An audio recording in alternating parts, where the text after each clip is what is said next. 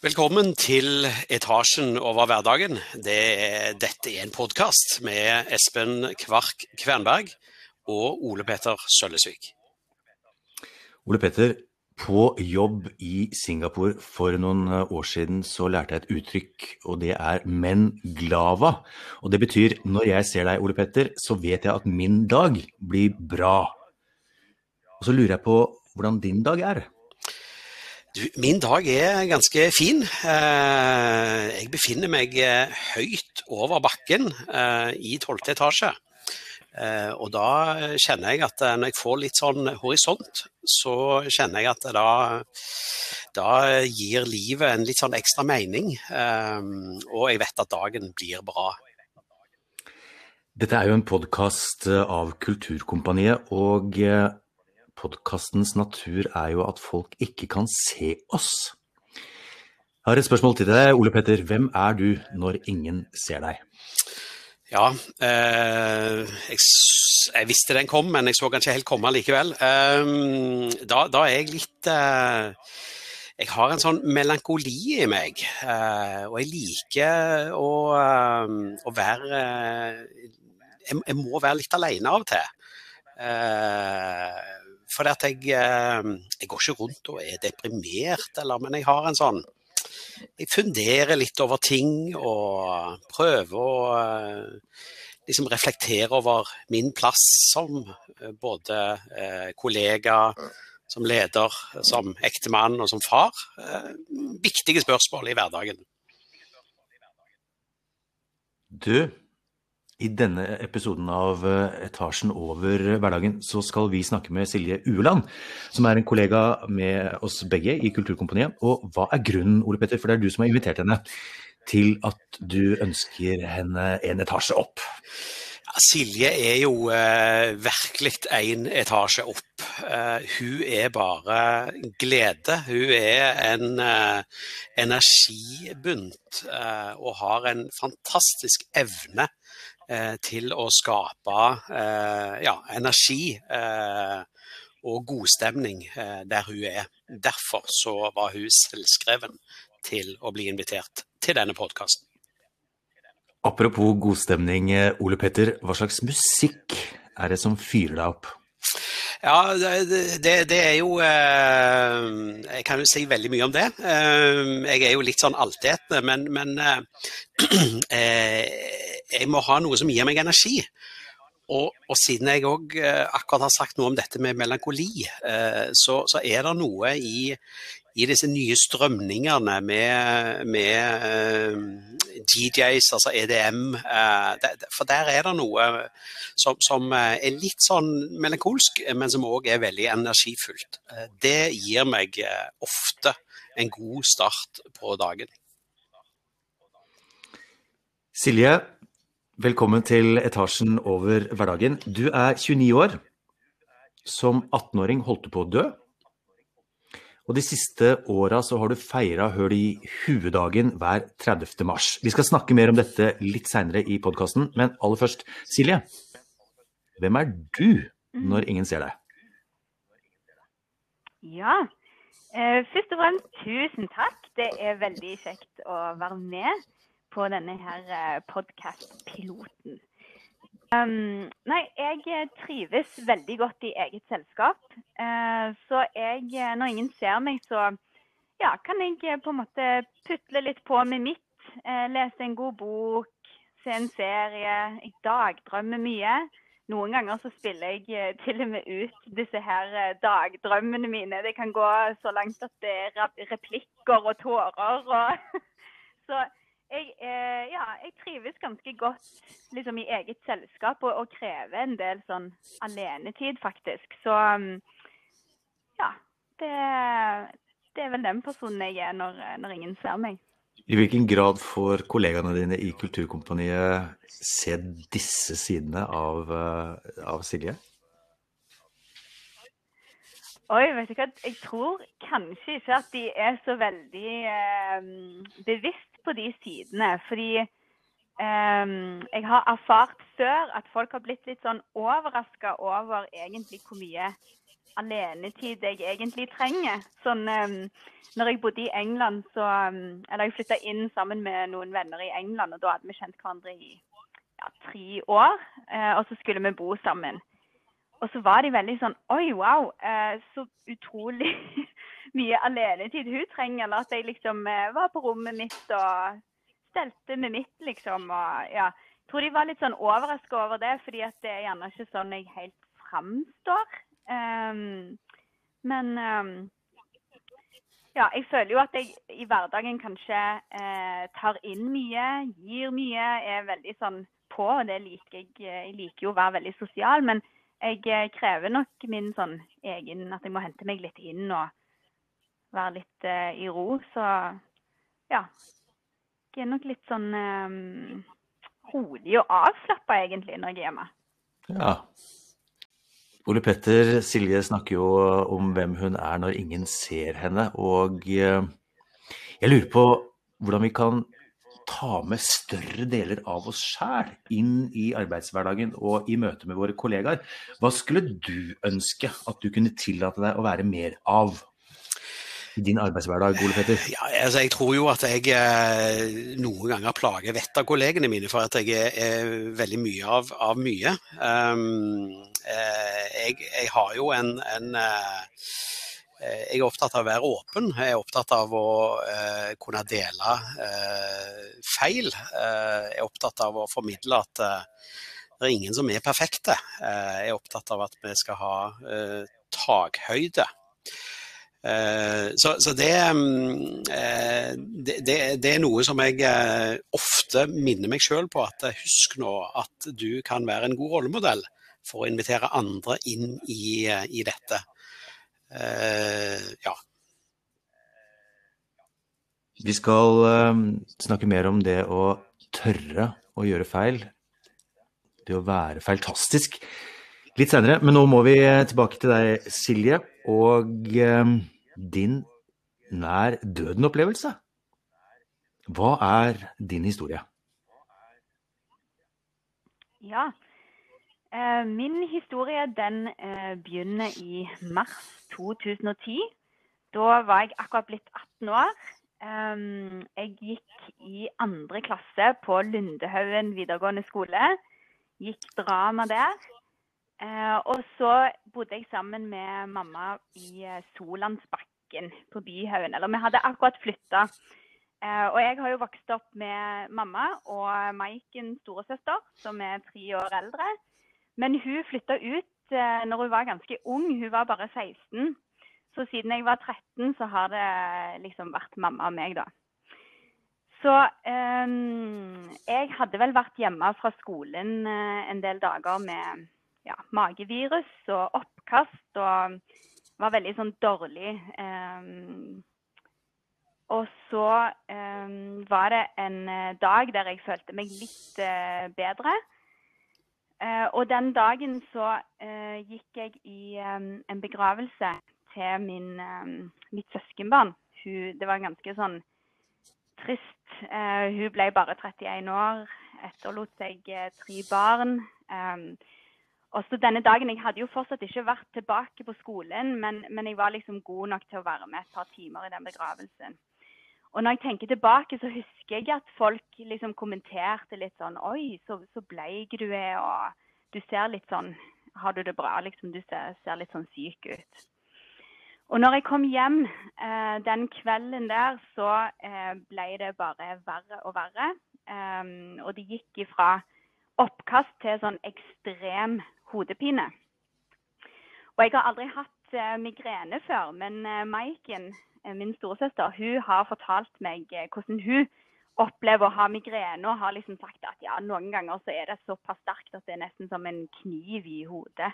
Så det, det kan være veldig intenst. Så jeg tenkte at OK, nå har jeg fått migrene, så nå må jeg bare ta alle de triksene som jeg vet at hun gjør Eh, steng meg inne på et eh, kaldt, mørkt rom og prøv å sove det vekk. Eh, det gikk jo ikke. det, så, den natten sov jeg faktisk inne i mammas seng. og da ja, lå jeg og kasta opp Det var veldig ofte, altså sånn kanskje hvert tiende minutt. Eh, og til slutt har man jo ikke mer å eh, kaste opp, så det blir jo bare sånn galgegrønt. Um, trenger ikke gå mer inn på det, men i hvert fall. Eh, morgenen kom. Eh, mamma hun gikk på jobb, og så sa hun at eh, du, hvis du blir verre, så ringer du, og så kommer jeg hjem, og så eh, Og så tar vi det derfra. Og så ble jeg bare verre og verre. Ble litt sånn skremt over at eh, ingenting hjalp. Så jeg ringte mor, hun kom hjem. Og så eh, måtte vi jo til fastlegen, for man må liksom gå via fastlegen eh, hvis man skal på sykehus og sånn. Og siden vi akkurat hadde flytta fra Hundvåg, så var min fastlege fortsatt på Hundvåg. Så vi eh, heiv oss i bilen. Jeg satt foran med en eh, pose og satt og kasta opp konstant. Eh, og mamma kjørte.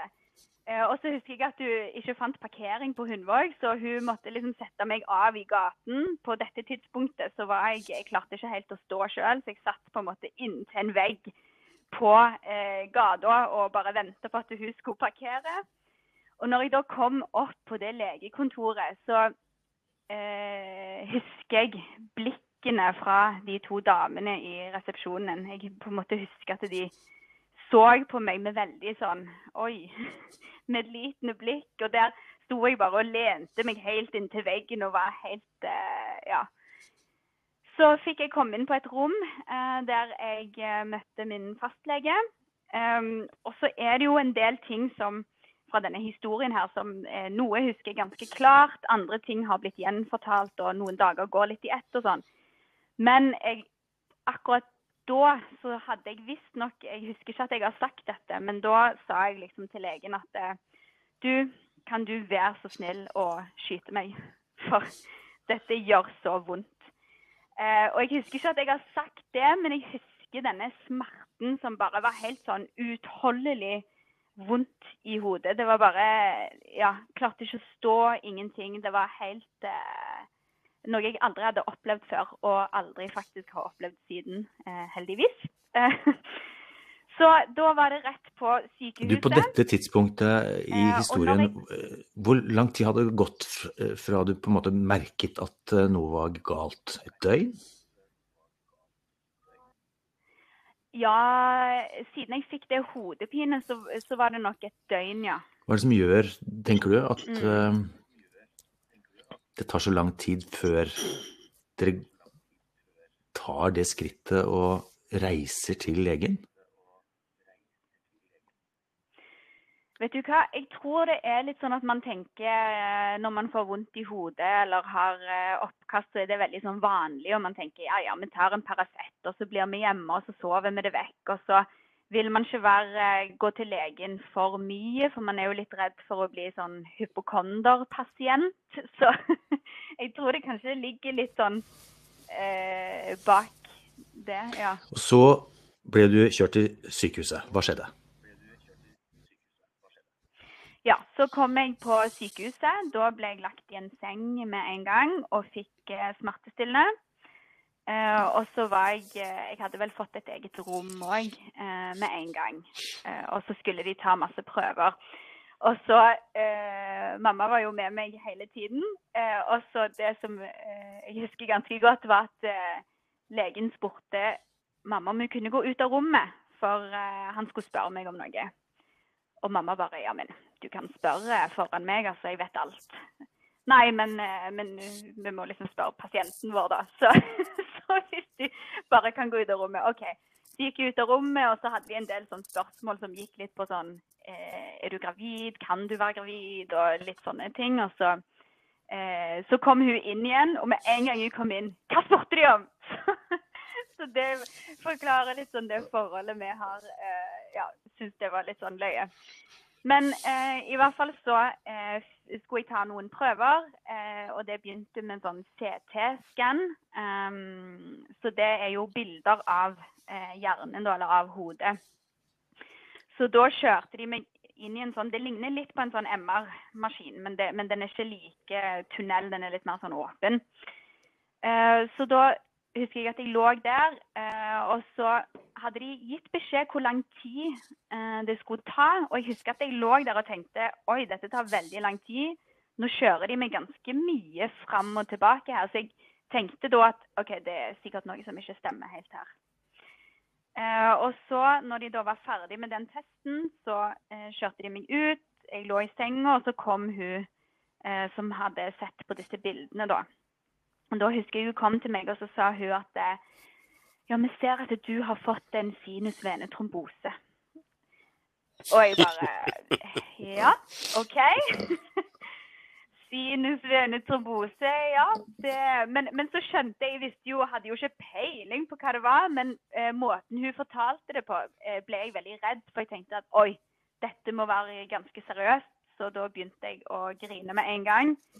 Eh, og så igjen, mamma kom og var veldig sånn Herlighet eh, at de bare kunne fortelle det til meg. Men jeg hadde jo akkurat blitt 18 år, så jeg var jo voksen. Så Um, ja, så da fikk jeg uh, mitt eget rom på nevrologisk avdeling. Eh, og så kom de uh, opp med en sånn plan som skulle løse opp denne blodproppen. da.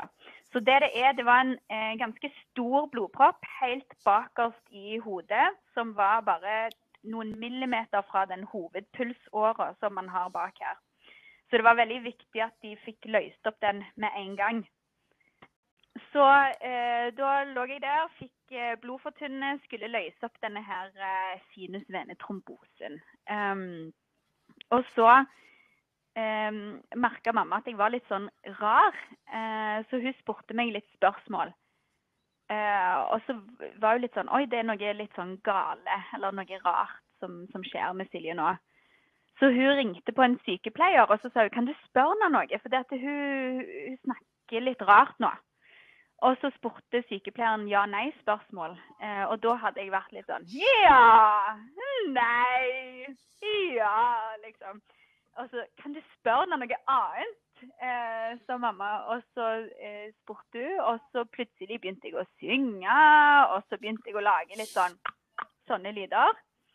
Eh, og det som skjedde da, er at jeg fikk et slag på den delen av hjernen som går på, eh, på språk og kommunikasjon. Sånn at jeg mista taleevnen og ble eh, rett og slett lam eh, i, i, halve ansiktet og kropp. Eh, sånn at eh, da var det bare pang til operasjon. og da, sånn som mamma har fortalt det, at hun da var det bare dra i alarmknappen. Alle sprang. Hun sprang etter. Hun visste ikke helt hvor hun skulle. Hun mista de noen ganger på veien, og så var det bare rett i operasjon. Eh, og dette var midt i påsken, så de var litt usikre på om de skulle fly meg til Oslo. Eh, men så endte det opp med at de ringte hjem en, sånn, eh, en lege da, eller en nevrolog ja, som de ringte på, som var på påskeferie på fjellet. Eh, så det de gjorde i den operasjonen, var å tappe litt væske som hadde kommet inn i hjernen foran på venstre side. Og så satte de inn en sånn trykkmåler for å måle trykket. Og så ble jeg lagt i koma i fire dager. og det er mange som har spurt sånn Så du lyset når du lå der? Eh, og faktisk, yes, det gjorde jeg fordi at eh, jeg åpna øynene og så rett opp i en lampe, og så måtte de gi uh, mer medisin. Så yes, jeg så lyset, men fikk med meg at det var en lampe. Eller har i hvert fall tenkt det i etterkant. Men ja. Så, så var det koma, og så vekte de meg opp fra koma, og så var det inn på um, den overvåkningsavdelingen, da.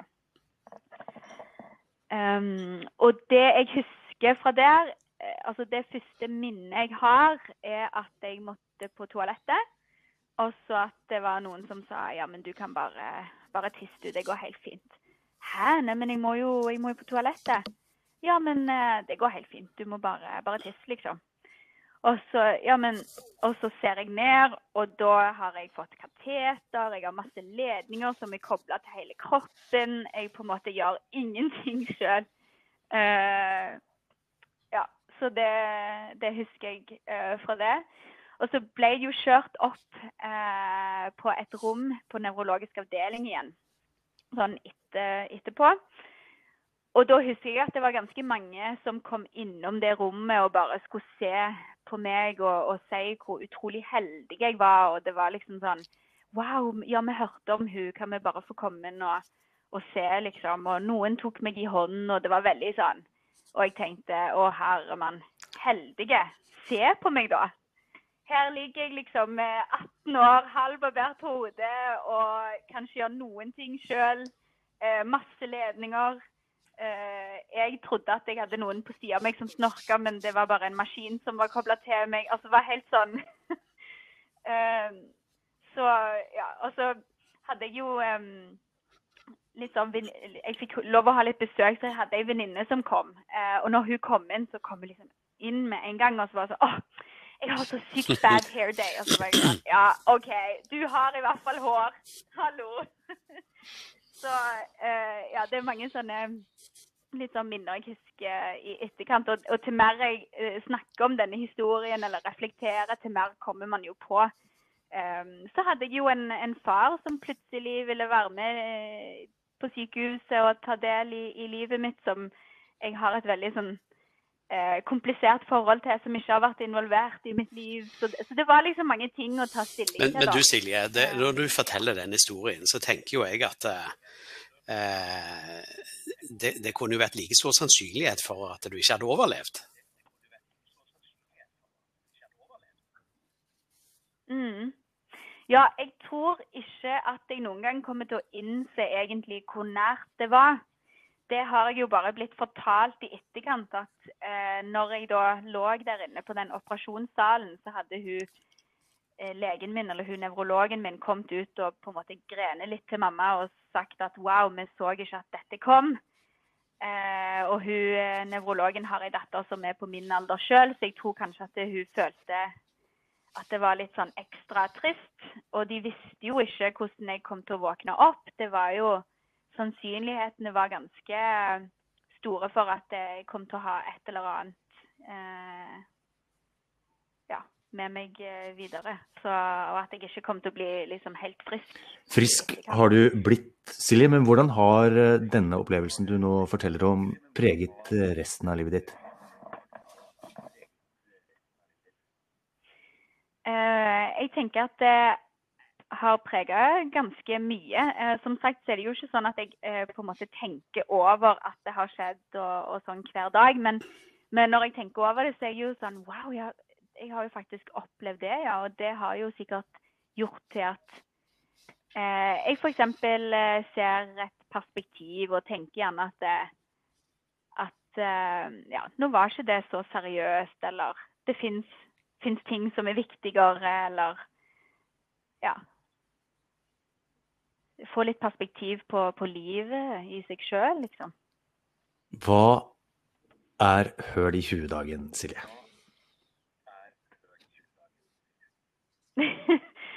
ja, det er jo min eh, bursdag eh, nummer to. Så eh, vi feirer jo den dagen som eh, de eh, vekka meg opp fra koma, og som eh, jeg innså at jeg eh, frisk, eller ja, var klar i hodet, da. Som, um, så, så, vi feirer det, og da feirer vi livet, rett og slett. så jeg feirer mitt eget liv, jeg feirer alle sitt liv, jeg feirer det å leve. Uh, og det gjør vi med alle runde ting, fordi at jeg har et hull i hodet. Så det er donuts, og det er calamari, og det er all slags. Så det var faktisk en kompis som eh, tipsa meg om det. Eh, fordi egentlig så hadde jeg liksom sett på den datoen som litt sånn, eller det minnet som litt sånn trist, og som jeg ikke snakker så mye om. Og det er jo litt sånn Ja, tenk at det har skjedd. Men så var han eh, litt sånn Ja, men hva gjør du den dagen der du liksom fikk vite at Eller de fikk se at du var klar i hodet, og at du var frisk? Så jeg sånn Nei, men eh, egentlig ingenting. Det er jo bare et litt sånn trist minne. Altså. Ja, men hvorfor ikke feire det, eller hvorfor, uh, hvorfor drar du ikke fram det positive med det? Og så etter den samtalen med han, så var jeg sånn Ja, nå skal jeg feire hvert år, faktisk.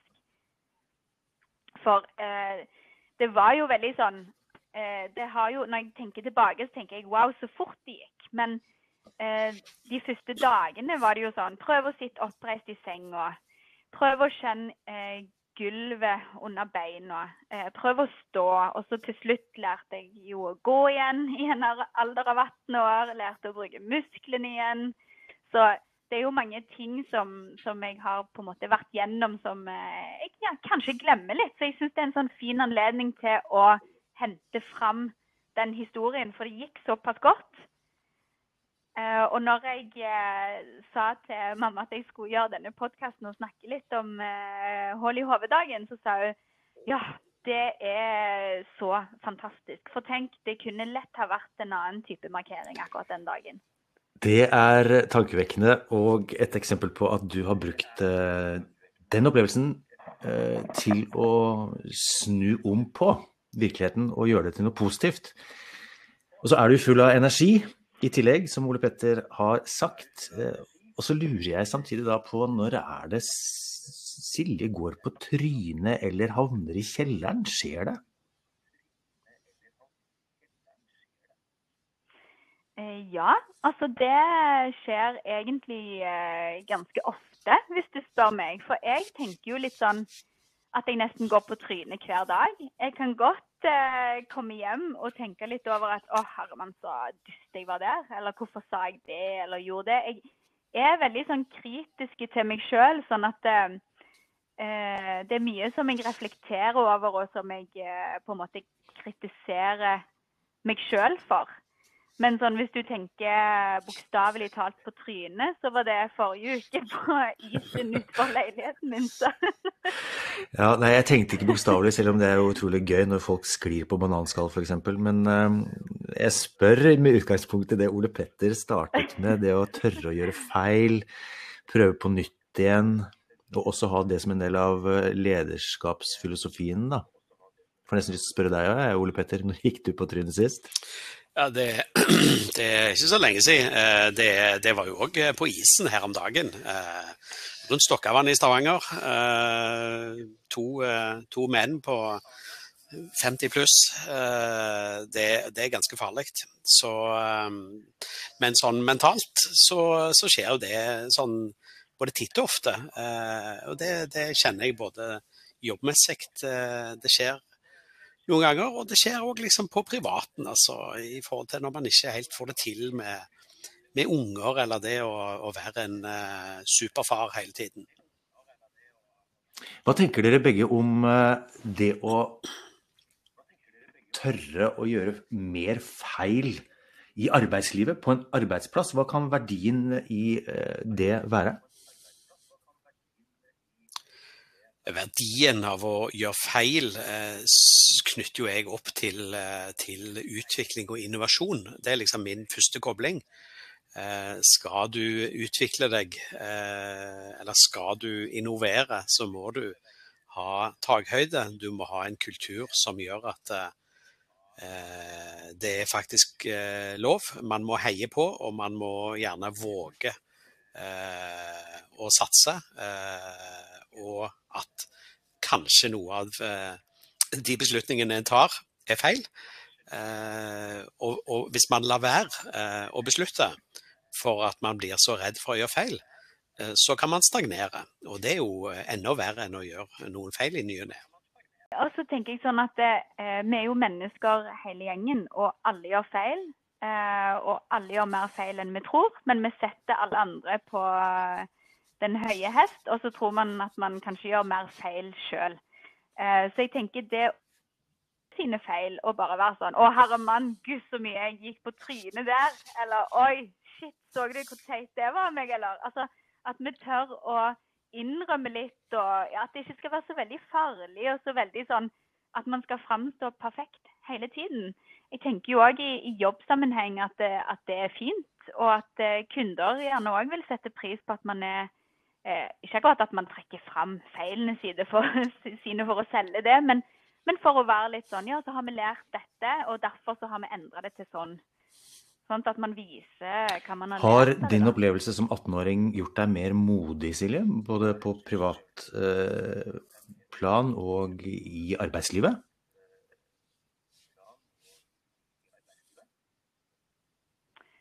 Oi um, hmm. Kanskje. Um, jeg har i hvert fall eh, blitt mye mer åpen etter en sånn hendelse. Jeg husker jo at um, før denne hendelsen så var, um, var, det, var, jeg i et sånt forhold, eh, tenåringsforhold. Og så eh, etter det så var det veldig dramatisk, og det betydde så mye. og så etter denne hendelsen så tenkte jeg sånn Nei, men det var jo Nå er jeg ferdig med det, og herlighet. Eh, nå er det jo bare å være åpen og, og ærlig og kjøre på. Eller sånn. Ja, jeg tror, tror akkurat det der med åpenheten eh, har endra seg ganske mye etter den hendelsen.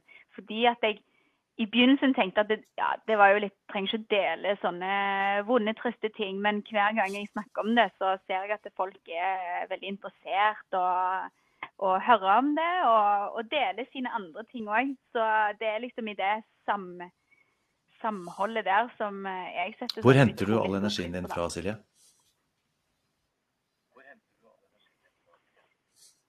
Um, du, jeg får energi av uh, andre mennesker. Så selv om jeg uh, krever min uh, alenetid, så vet jeg at jeg får energi av f.eks. sånne som dere to. Og jeg får energi av å le, av å um, ja, av å eh, gjøre kjekke ting. Jeg får masse energi av sjøen. Elsker eh, sjøen. Ja og, du, ja, og du har en fantastisk evne til å uh, dele og gi energi. Det er bare sånn uh, For meg er det en sånn gåte. Hvor, hvor tar du det fra? Uh, for det at du bringer så mye inn i i de omgivelsene du er, da. Så jeg er veldig veldig fascinert av det, og jeg tror ikke du egentlig vet det sjøl hvor mye det betyr for andre.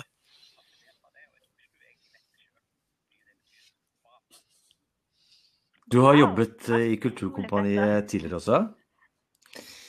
Før du dro til England for å studere, hvis jeg ikke tar feil?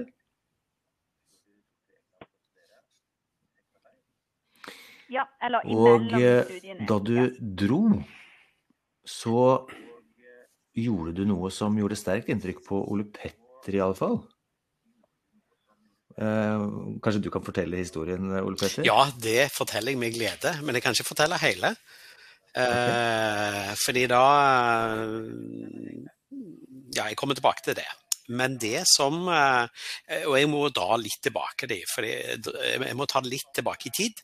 Fordi at Silje um, sendte en mail til meg eh, om hun kunne få eh, praksisplass som en del av studiet. Et fireårig eh, studie i eventledelse. Um, og den eh, mailen, den søknaden, eller den Kall det oppmerksomhetsskaperen som hun som hun sendte over til meg, den var veldig fascinerende. Eh, for der hadde hun brukte ord og begreper som jeg var opptatt av. Hadde tydeligvis lest nettsiden og gjort en god research. Så når hun spurte på den måten hun gjorde, selvfølgelig så ville jo jeg vite mer om det. Uh, og da ble vi jo enige om at Silje skal få lov å jobbe et år i Kulturkompaniet som en del av hennes studie så uh, var jo det masse gøy uh, og masse energi, som Silje er hele tiden uh, for oss som er kollegaer. og den dagen hun slutta, så spiste vi lunsj og satt rundt bordet og hadde litt ekstra, litt kaker og litt sånne ting. og så ba Silje om ordet. Og det hun gjorde der, det var en bragd fordi eh, hun holdt en liten tale til hver eneste kollega. Navnga, leste eh, et kort eh, og fortalte om hva denne personen betydde akkurat for henne. Og Det tok jo runden rundt bordet, eh, åtte-ni stykker. Uh, og hun avslutta med meg. Jeg husker det veldig, veldig godt. Um, for det begynte å bli veldig emosjonelt. Uh, og så kommer hun til meg, og så ser hun på meg, og så står hun der, lilla jenta på 21, og sier 'Ole Petter, du er mitt idol'. Um, og så kanskje jeg leser mer av det kortet, for da, da, kommer, da begynner jeg å grine. For det, det, er, så, det er, så, flott. Um, det er en fantastisk måte å uh, hylle kollegaer på, uh, som uh, ikke var fremmed for meg, men det var så Jeg ble så satt ut. Um, ja, og det er liksom Silje i et nøtteskall, tenker jeg. Hun har en fantastisk og egen evne til å se andre mennesker eh, og løfte fram andre mennesker. Og det er jo noe av grunnen til at eh, vi sitter her og prater med Silje i dag. Og så vet jo både Silje og jeg at du er en emosjonell type, ja. Ole Petter, som også våger å være det i ditt lederskap. Men jeg har lyst til å utfordre Silje til å fortelle hvorfor Ole Petter er et idol for deg. Eller en rollemodell, et menneske du ser opp til.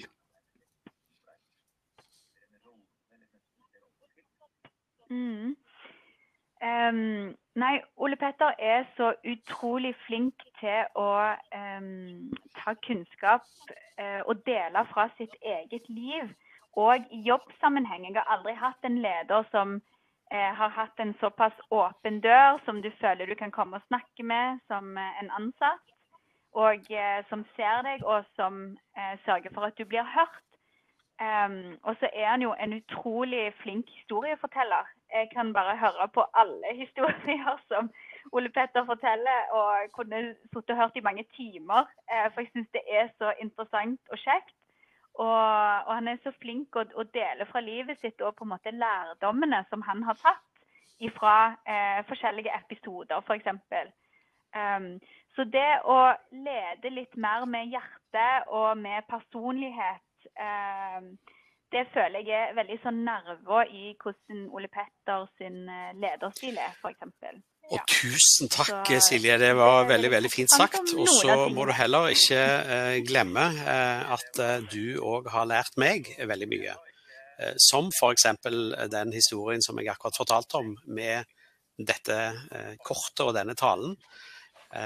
for det syns jeg var modig, og det har jeg valgt å ta videre i, eh, i, mitt liv. Altså dette med å gi eh, folk som du ja, kanskje ser opp til, eller som, som du syns gjør noe bra, eh, og gi dem feedback. Eh, det er en veldig, veldig kjekk ting å gjøre. Så takk for den. Kan vi bli bedre, tenker dere, til å gi hverandre ros, eh, løfte hverandre gi gode tilbakemeldinger i arbeidshverdagen? Ja, det kan vi, Espen. da skal vi i hvert fall ta med oss det som et læringspoeng fra denne episoden av Etasjen over hverdagen. Men vi skal ikke gi oss riktig ennå. Vi har noen minutter igjen. Og eh, du har jo nevnt at du noen ganger eh, er eh, glad i å være aleine, og at du også går i kjelleren, Silje. Og så lurer jeg på, fordi etasjen over hverdagen også er en egen eh, musikkspilleliste, hva slags låter, eller hvilken låt, er det som eh, kickstarter deg, eller får deg opp igjen?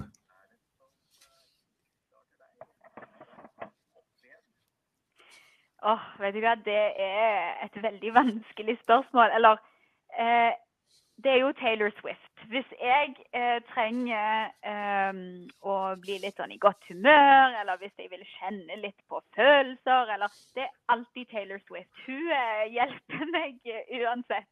Hvis jeg skal vaske leiligheten Ja, Taylor Swift hun får gang på det. Så eh, jeg er veldig stor fan av hun. Men akkurat sangen syns jeg er litt vanskelig, for det er så mange, og det kommer jo veldig an på eh, dagsform og humør. Um, men litt sånn uh, pick me up-sang er um, 'Getaway Car' fra Taylor Swift, som virkelig får uh, Da er det Det er ikke ofte jeg kan høre den uten å synge med. Okay. Og, det, og det gjør du jo òg ofte når du er på karaokefester, eh, Silje? Fortell oss om ditt forhold til Eller hva er det med Silje og karaoke?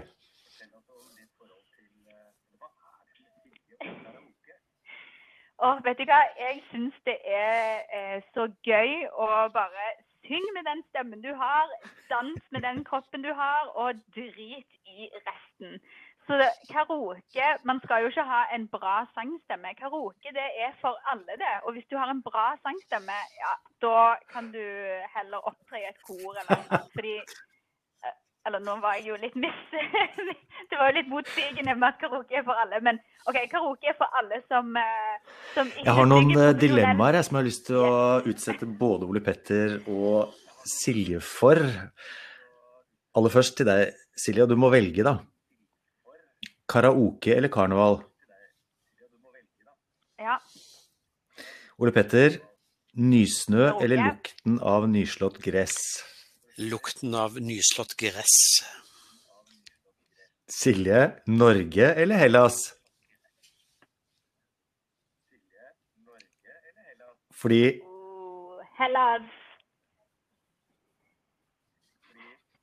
Ja, jeg eh, kan ikke gi opp de eh, somrene på Hellas. Det er helt fantastisk. Så gå for Hellas på eh, okay. mat og drikke. Ole Petter, Fremskrittspartiet eller Senterpartiet? Senterpartiet, definitivt.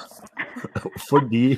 Eh, fordi at eh, de er i senter, på en måte. Det er trygt og greit, syns jeg. Eh, ja, jeg skal ikke si noe mer enn det.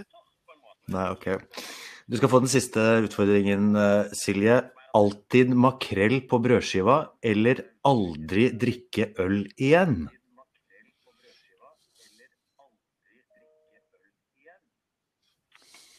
Oh, vet du hva, jeg tar uh, aldri drikke øl igjen. Fordi at uh, jeg drikker mest vin uansett. Og bobler. Og, og makrell, det er utrolig Silje, du er Så, ja. i startgropa på din yrkeskarriere.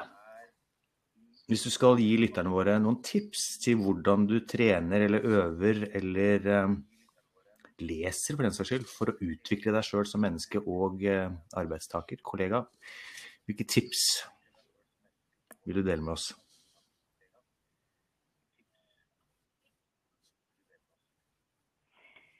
Uh, ja, jeg er jo veldig sånn interessert i litt av alt, egentlig. Så jeg kan jo fort ende opp eh, med å lese ganske mye om et spesifikt tema som plutselig kanskje ikke er så relevant, men jeg tror at den nysgjerrigheten eh, er veldig bra i jobbsammenheng. Um, og så er jeg jo veldig sånn genuint interessert i andre mennesker og kundene våre, og jeg har jo lyst til å bli kjent og, og la, skape en god relasjon. Så eh, det tror jeg kanskje er eh, noe som, som, jeg er god på, som jeg eh, tar med Eh, trene på? Ja, jeg um, hører jo en del på, på sånn podkast, leser litt forskjellige tips og prøver å utvikle meg Ole Petter, hva gjør du for å utvikle deg som leder?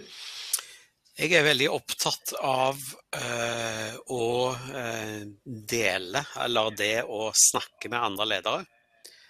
Uh, det er for å faktisk lufte eller diskutere dilemmaer og, høre, og få andre perspektiv. Eh, jeg er veldig opptatt av å skaffe meg innsikt om eh, trender, eh, markedstrender. Og det har jeg òg gjort mye av i, i koronaen. Dette med å finne ut hvordan er det kundene våre tar utfordringer, hvordan er det andre bransjer eh, eh, jobber med eh, ja, i krise, da. Eh, så, så, det å bruke andre folk, det å, å, bruke nettverk, bygge nettverk og bruke nettverk og dele litt sjøl, eh, og så får du så ufattelig mye tilbake igjen. Det er mitt tips. Takk, Ole Petter. Helt på tampen, eh, Silje.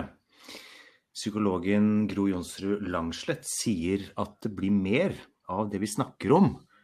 Og jeg vet jo at Ole Petter f.eks. er opptatt av å bevege verden. I stort og smått. Hver dag. Og eh, hva kunne du tenke deg mer av i ditt nabolag, Silje?